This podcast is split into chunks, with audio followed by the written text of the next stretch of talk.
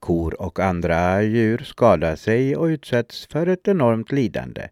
Därför erbjuder Gil Assistans Metal Detecting djurhållare metallsökning av foder helt utan kostnad ifrån våran sida. Men det tillkommer en avgift för tillstånd på 700 kronor från Länsstyrelsen. En avgift som Länsstyrelsen inte ger undantag för. Flera djurhållare har hört av sig angående uppdrag nu denna sommaren. De tycker att denna avgift kunde få ett undantag i dessa specifika fall. Men som de säger, 700 kronor är ändå en billig kostnad emot vad ett skadat eller ett nödslaktat djur skulle innebära.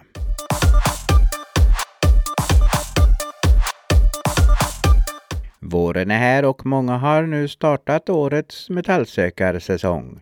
Det har även jag och min son Tim. Vi ser fram emot en spännande säsong det här året. Har börjat se mig om efter ett snyggare vitrinskåp eller displayskåp så att man kan visa upp fynden på ett lite finare sätt.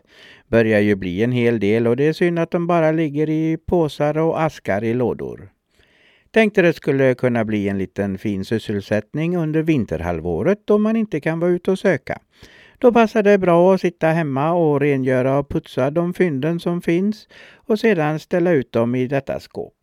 Det ska bli en spännande och rolig sysselsättning.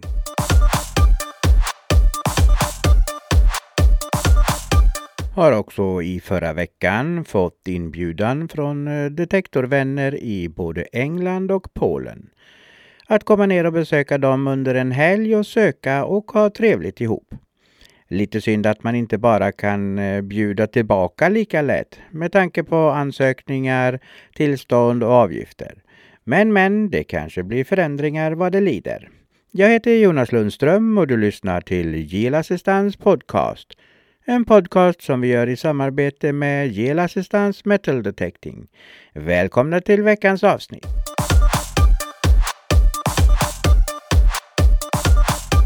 Eskeskärsskeppet. Det är Sveriges enda bevarade vikingaskepp och kan ha seglat så långt som till Vinland i väst och Miklagård i öst. Men mer än 80 år efter upptäckten ger Eskeskärsskeppet fortfarande upphov till fler frågor än svar. Det finns många oklarheter. Forskare kan komma till olika slutsatser, säger Mats Sjödin som producerat utställningen på Göteborgs stadsmuseum. Ett vikingaskepp hittades 1933 när en bonde grävde diken på en strandäng i Eskeskär i Alafors vid Göta älv. Och fyndet blev genast en vetenskaplig sensation. Men av byråkratiska, ekonomiska och även politiska skäl dröjde det mer än 60 år innan Nordens bäst bevarade handelsfartyg från vikingatiden blev tillgänglig för allmänheten.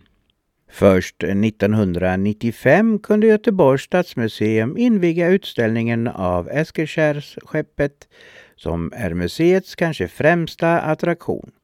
Forskare har daterat båten till omkring år 930 och fastställt att det är ett handelsskepp, en knarr, men många frågetecken kvarstår. Hur såg eh, då skeppet ut? Stävarna saknas så det går inte att fastställa det exakta utseendet. Varför saknas stävarna? Har de återanvänts? Är fyndplatsen eh, del av dåtidens skeppsvarv? Eller är de borta för att båten används som begravningskista? Vart seglade skeppet? Vad hade det för last? Vilken besättning? Både män och kvinnor kanske? Och vem var ägaren?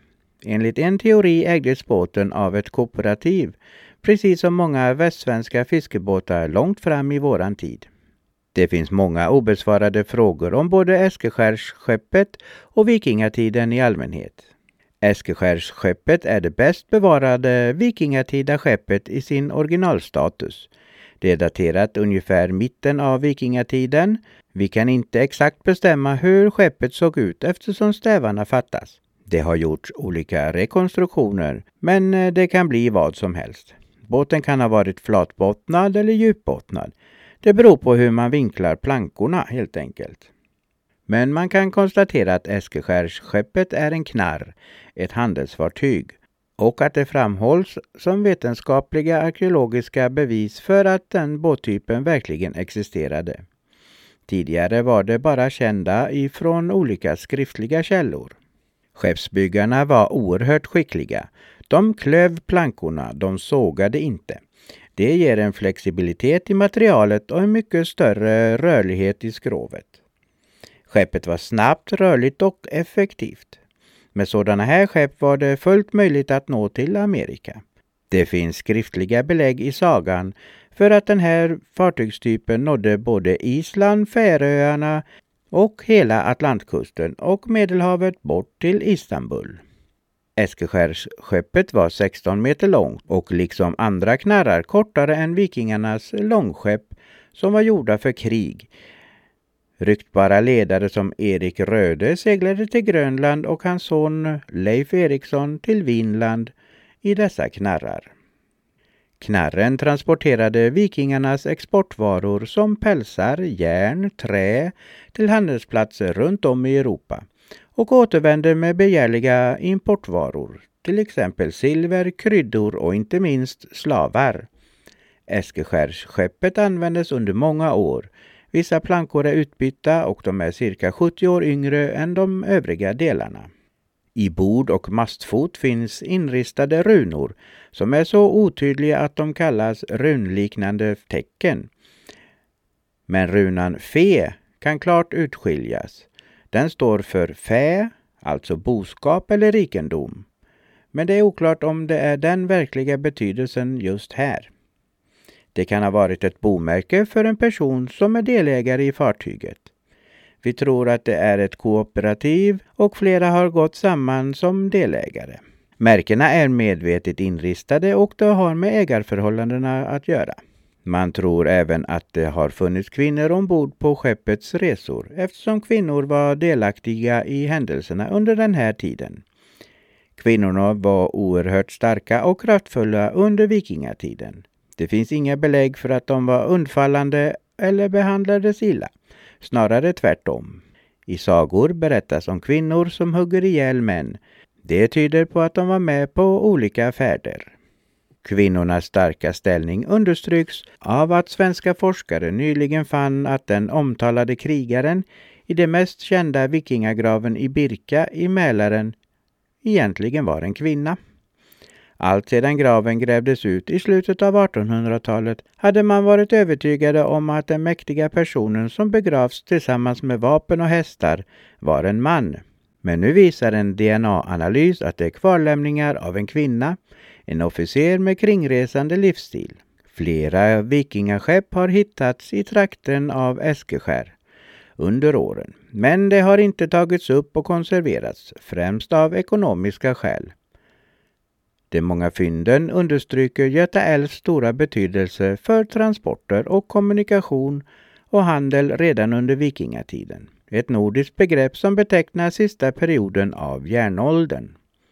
Området var betydligt mer vattenrikt på den tiden. Nordre älv var det stora utloppet, men flera ras ändrade flodens riktning. Det var enklare att transportera varor på vatten än på land. Man förde produkter från inlandet ut till handelsplatserna vid kusten. Det är oklart exakt när Lödöse, alltså föregångaren till Göteborg, grundades. Men det finns arkeologiska lämningar från 1100-talet. Marknaderna på Brännöarna är kända från 800 och 900-talen. Eskeskärsskeppet är en mycket viktig pusselbit för att förstå vikingatidens kommunikationer och transporter. Göta älv var en stor transportled från inlandet. Mycket handel pågick intill älven. Ett andra Eskeskärsskepp hittades i början av 1990-talet. Det gjordes bara en mindre utgrävning 1994. Sedan täcktes det över igen. Det är fruktansvärt dyrt att konservera en sådan här båt. Höga kostnader är en förklaring till att det dröjde ända från 1933 till 1995 innan allmänheten fick se det första Eskeskärsskeppet på museum. Ett annat skäl är oenigheten om fyndet bland Göteborgs ledande museimän på 1930-talet. Men det fanns också politiska orsaker. Skeppet blev mycket uppmärksammat i det nazistiska Tyskland på 1930-talet. Det sågs som ett nordiskt fynd och ett belägg för vad man kallade den nordiska rasens överlägsenhet. Och av samma skäl har fornnordiskt intresserade aktivister engagerat sig i Eskilskärsskeppet också på senare tid. Det finns mycket som gömmer sig i den svenska jorden. Vi har nog hittills bara skrapat på ytan.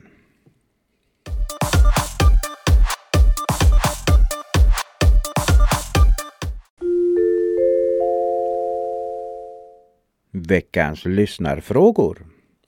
Jag har fått ett inlägg här ifrån en dam som heter Katarina. Läste ditt inlägg en tidig julklapp. Så underbart jag blev riktigt tårögd. Att det finns killar som du med ett så stort hjärta. All heder till dig. Har du hört något ifrån dem efter detta här? Jag tackar för detta i mitt inlägg, en tidig julklapp. För er som inte har läst det inlägget i bloggen så lägger jag upp en länk på Gillassistans podcast Facebook-sida. Där skrev jag om en händelse i mitt vardagsliv. Tycker att man kan väl dela med sig till sina medmänniskor. Nu var det ett yngre par som tyckte att allt i livet var skit. Julen närmade sig och, då, och det var ingenting som de såg fram emot riktigt. Och jag hade möjligheten att hjälpa dessa två skapa en liten guldkant kring deras jul och kring deras liv. Jo, jag har faktiskt kontakt med både T och M. De är förlovade idag och båda har jobb och framtiden ser faktiskt ljus ut. De säger att händelsen gjorde att deras liv tog fart och eh, livet förändrades ganska totalt för dem. Det värmer i mitt hjärta att höra att det lilla som jag kan bidra med faktiskt gjorde en ganska stor skillnad. Hej! Du säger alltid ingen blixt inomhus, men gärna utomhus en solig dag.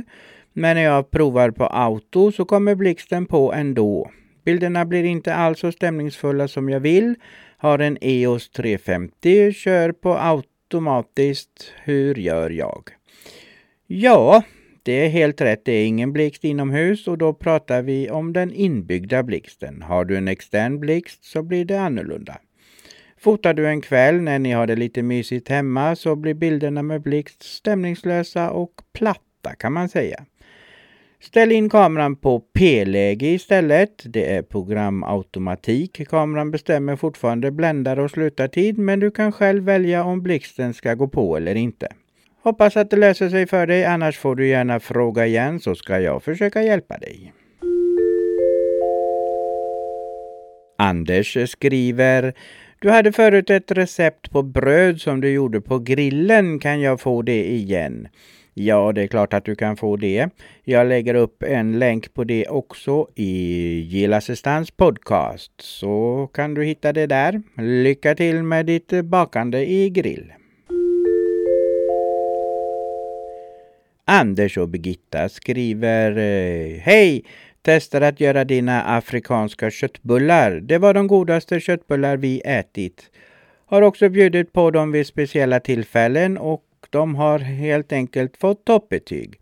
Vi följer din blogg och är lite avundsjuka på din matlagning. Du lagar så mycket bättre mat och annorlunda mat än vad vi någonsin gör i vårat hus. Och du gör det i en husvagn. Riktigt toppen! Oj, oj, oj, stort tack för detta. Jättekul att höra att du testat eh, recept som jag lägger ut i bloggen. Eh, jag har väl alltid lagat en massa olika mat. Jag gillar lite annorlunda mat. Men försöker alltid laga ifrån grunden och ganska nyttig mat faktiskt. Vilket mina barn uppskattar väldigt mycket. Lagar säkert mycket god mat i husvagnar runt om i landet. Men det finns en liten allmän uppfattning om att husvagnsmat faktiskt ska vara trist. Men så är det ju inte. Husvagnsmat är inte alls trist. Den är riktigt fantastisk. Och för er som inte har lagat de här afrikanska köttbullarna så lägger jag en länk i Gilla Assistans podcast.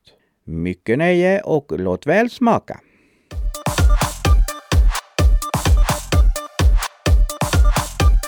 Det var allt för denna vecka. Besök gärna Gilla Assistans podcasts Facebook-sida. Där kan du kommentera och dela inläggen. Det går också bra att skicka meddelande via meddelandefunktionen eller via våran e-post. podd gelassistans.se Besök också gärna Gelassistans Metal Detecting. Där kan du kontakta oss via kontakta oss-knappen. Gelassistans Podcast och Gelassistans Metal Detecting önskar alla detektorvänner en härlig och spännande detektorsäsong. Vill ni så hörs vi igen nästa vecka. Svinga lugnt! you enjoyed this episode, share it with your friends. Keep listening to our weekly episodes to find out more. Download episodes of previous shows. If you enjoyed today's show, please head over to iTunes, give us a rating, and